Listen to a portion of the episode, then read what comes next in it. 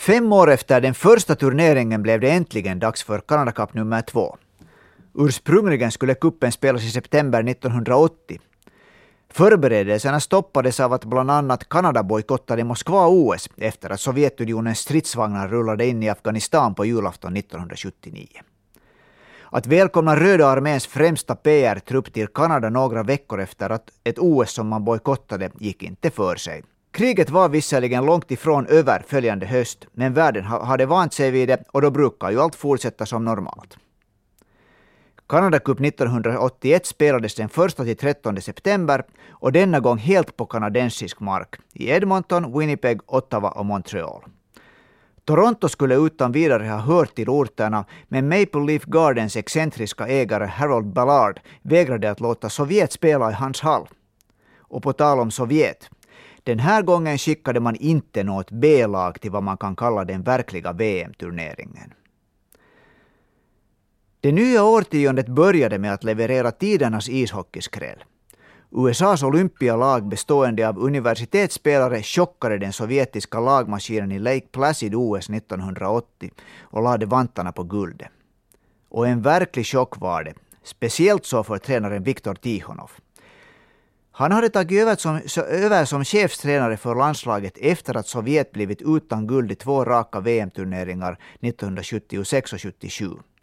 Under perfektionisten Tihonovs ledning hade den röda maskinen fram till OS formligen sopat isen med allt motstånd och vunnit två VM-guld på raken. I hemma-VM 1979 slog Sovjet silvermedaljören Tjeckoslovakien med 11-1, bronsmedaljören Sverige med 11-3, fyran Kanada med 9-2 och hade den slutgiltiga målskillnaden 51-12 på nio matcher.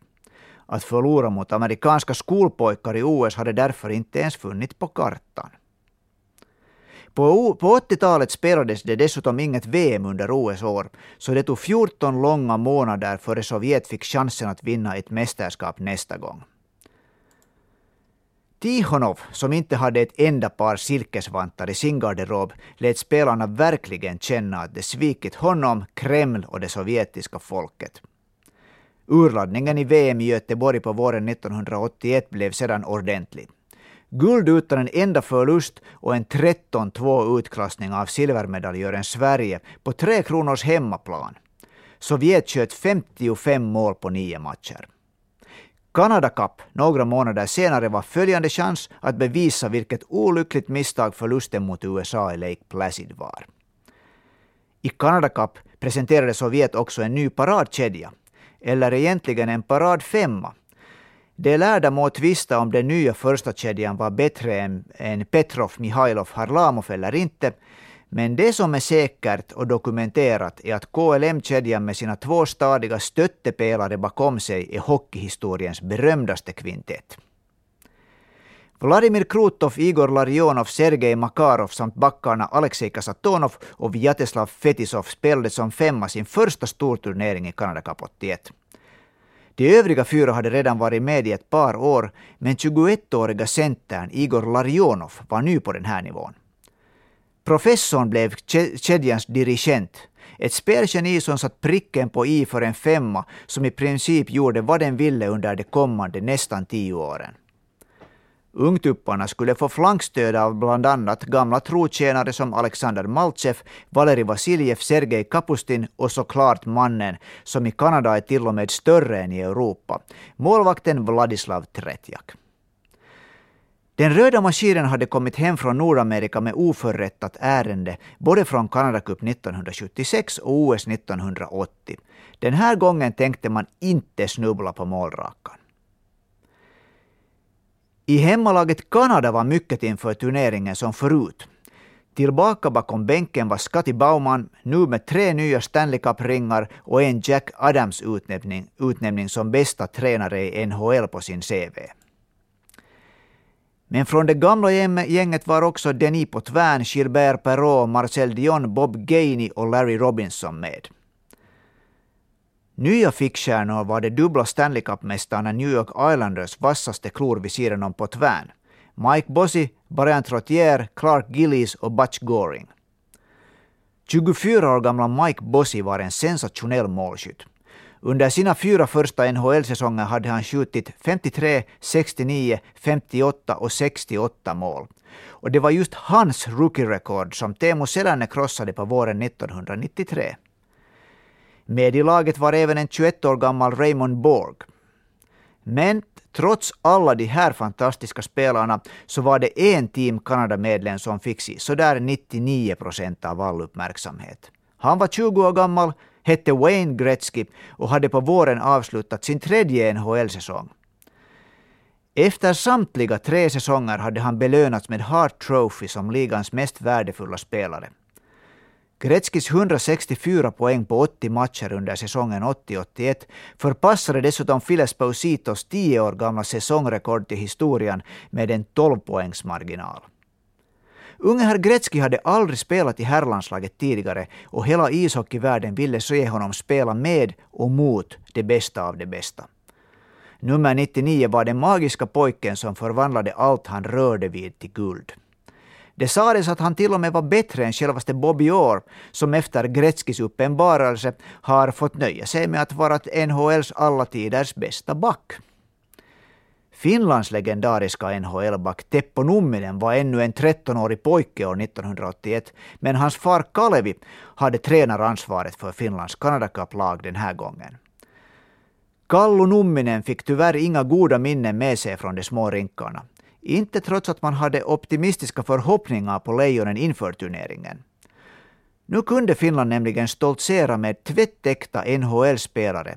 Jari Kurri, Matti Hagman och Risto Siltanen från Wayne Gretzkys hyperoffensiva Edmonton Oilers, erfarna Pekka Rautakallio från Albertas andra NHL-lag Calgary Flames och Finlands första NHL-målvakt, Winnipeg Jetskeepern Markus Marcus Mattsson som stått 31, 31 NHL-matcher säsongen före Canada Cup. Hela fyrväpplingen utespelare hade dessutom en utmärkt NHL-säsong bakom sig. 21 år gamla Jari Kurri hade som Wayne Gretzkys högra hand gjort 75 poäng, av vilka 32 var mål på 75 matcher och ypperliga 12 poäng på 9 slutspelsmatcher. Matti Hagmans 53 poäng och 20 mål i grundserien samt fyra mål på nio matcher i slutspelet var en anmärkningsvärd notering för Oilers andra center som till exempel inte fick spela powerplay just alls i Gretzkis skugga. Risto Siltanen å sin sida var Edmontons effektivaste back med sina 53 poäng som fick både Paul Coffees och Kevin Lowes poängsaldon att blekna och 280 kilometer söder om Edmonton i Calgary producerade rutinerade backen Pekka Rautakallio hela 56 poäng under samma säsong. Bakom NHL-proffsen fanns dessutom slitstarka trotjänare som Veli-Pekka Ketola, Kari Makkonen, Jukka Porvari, Tapio Levo och Timo Nummelin, samt en uppsjö av unga coming men inkluderande Kärpät supertalang Reijo Ruotsalainen och hans lagkompisar Kari Jalonen samt Mikko Leinonen. Den kommande Philadelphia Flyers-yttern Helsingfors IFKs målfarliga sniper Ilkka Sinisalo var killen som fick äran att spela i första kedjan med Kurri och Hagman. Markus Mattssons parhäst som burväktare var Hannu Lassila, färsk guldhjälte från elitserien och Färjestad. Faktum var att Finlands lag såg bra ut, i teorin. Tyvärr så visade praktiken att Finland år 1981 inte alls ännu var moget för hjältedåd. Lejonen mäktade bara med sex mål på fem matcher medan motståndarna nätade 31 gånger.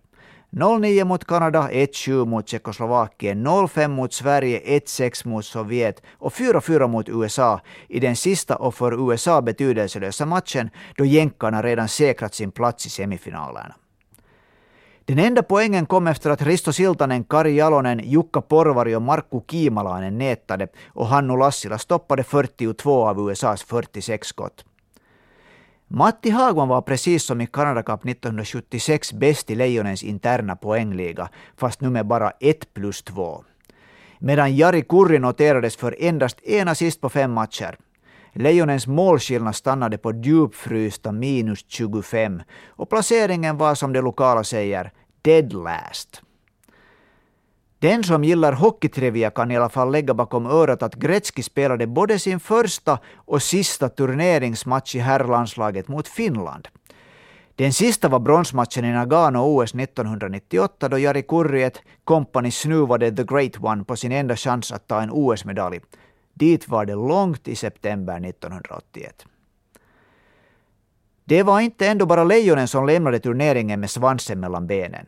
Sverige ställde upp med ett lag som med äkta svenska positivt tänk, svenskt positivt tänkande enligt lokal media skulle vara färdigt för att kämpa om minst en finalplats. 2-13-förlusten mot Sovjet några månader tidigare var ett minne blott då Tre Kronor kunde ställa upp med ett lag där över hälften spelade i NHL och många av dem dessutom i nyckelroller.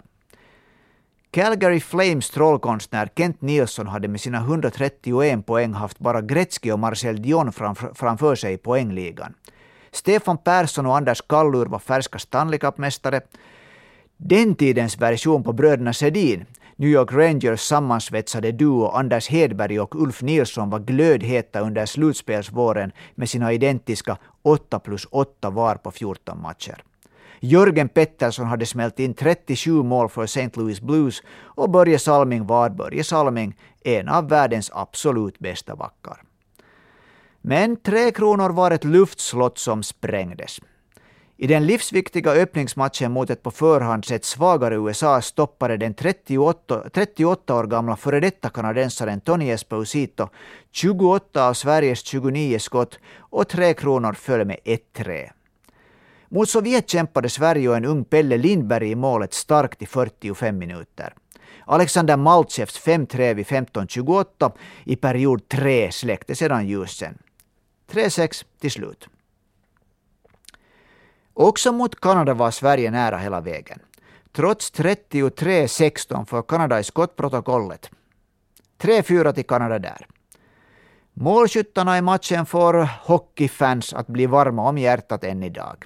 Deni på tvären, Mike Bossi, Anders Hedberg, Gila Flö, Anders Hedberg igen, Gilbert Perrault och Anders Kallur. Mot Tjeckoslovakien blev det sedan en lång och hal utförsbacke.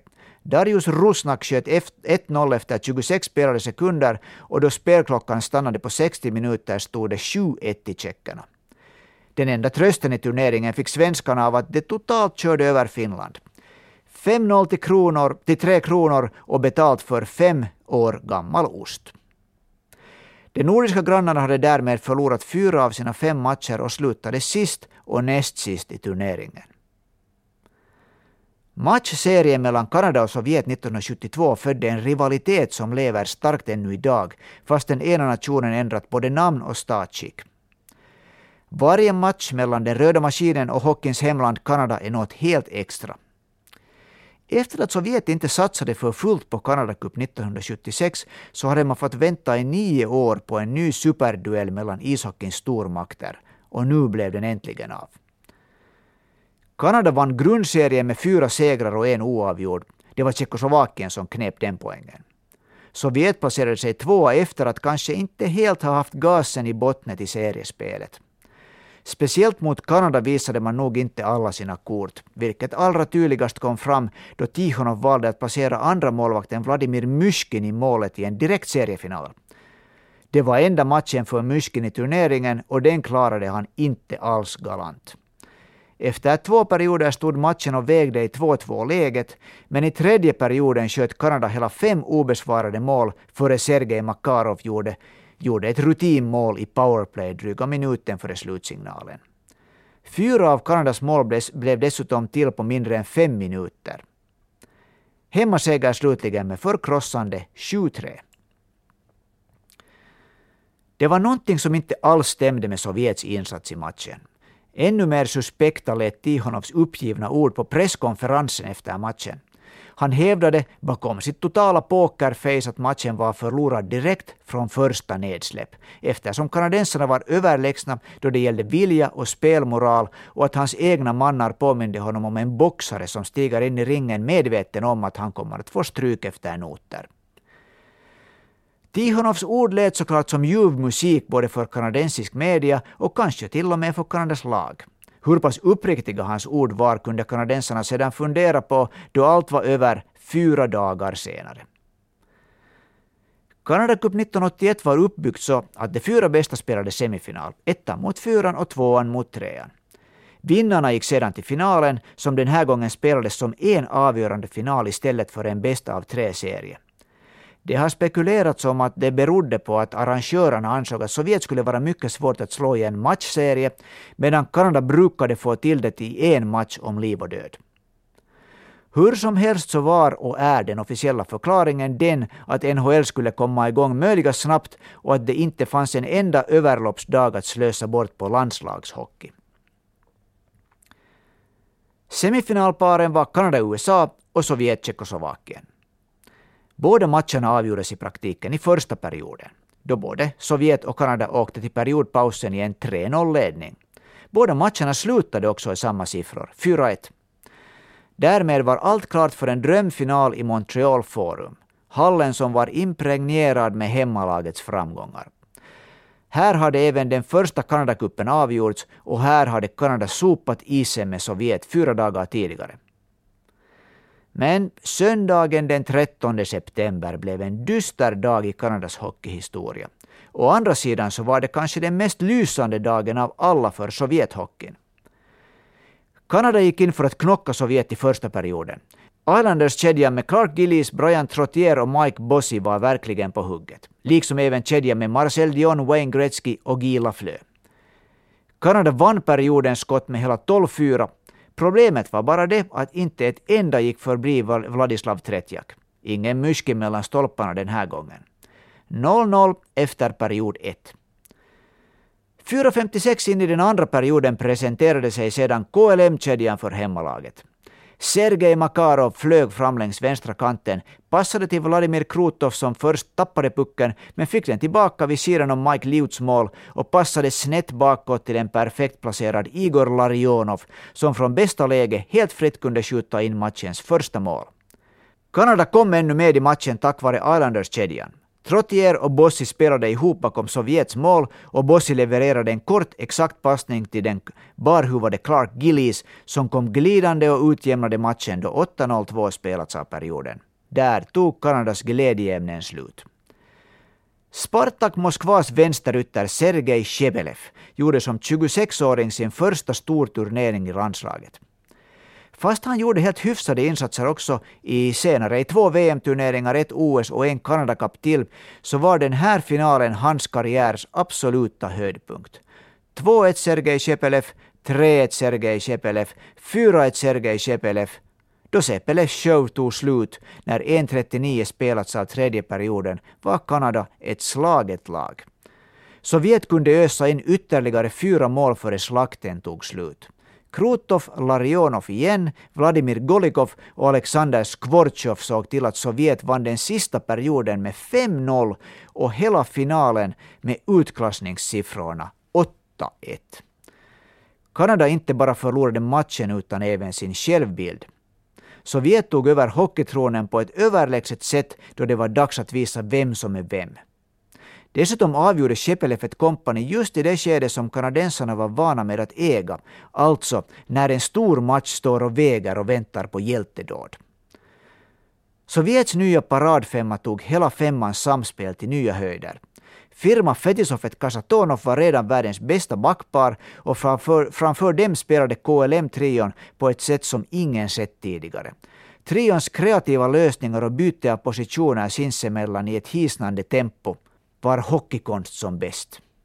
1981 var kedjan först på väg mot sina bästa dagar, men redan då var formationen utan tvekan turneringens och världens bästa femma. Det som ändå ingen kunde ta bort av Kanada var den 20-årige förvånansvärt späda ynglingen från Brantford, Ontario. Wayne Gretzky fick kritik för att han inte kunde stiga fram och avgöra finalen, men han vann turneringens poängliga med 12 poäng på sju matcher och visade för hockeyvärlden vad han kunde göra med sitt trollspö. Sergej Shepelev för sin del kan resten av sitt liv se sig själv i spegeln och konstatera att han var största hjälten den tills vidare enda gången då Sovjet eller Ryssland vunnit en så kallad superturnering. Trots att det spelats fem Canada Cup eller World Cup-turneringar och fem så kallade NHL-OS sedan 1981 så har den röda maskinen varit bäst av de bästa endast denna enda gång. Jämförelsevis har Kanada varit bäst i Canada Cup eller World Cup fyra gånger sedan dess och tagit guld i tre av fem OS med NHL-spelare. Inte helt fel att jämföra Shepelev med Paul Henderson, mannen som avgjorde Summit Series 1972. Shepele fick också en plats i turneringens All-star-lag tillsammans med Tretjak i målet, backarna Alexej Kasatonov och Arnold Kadlec samt forwarderna Gilbert Perrault och Mike Bossy som sköt åtta mål på sju matcher. Att Gretzky inte var med var direkt respons på att han inte ledde Kanada till seger och att Fetisov inte var med var bara en dålig vits. I sanningens namn skulle All-star-laget i sin helhet ha kunnat bemannas av Sovjetspelare, så överlägset var rödtröjorna när det gällde. Bobby Orrs titel som turneringens mest värdefulla spelare ärvde en annan levande legend, Vladislav Tretjak. Följande Canada Cup arrangerades redan tre år senare, 1984, och den gången fick Finland för enda gången se sig utanför ishockeyns finrum. Vår västra granne däremot visade framfötterna ordentligt. Mer om det i följande avsnitt.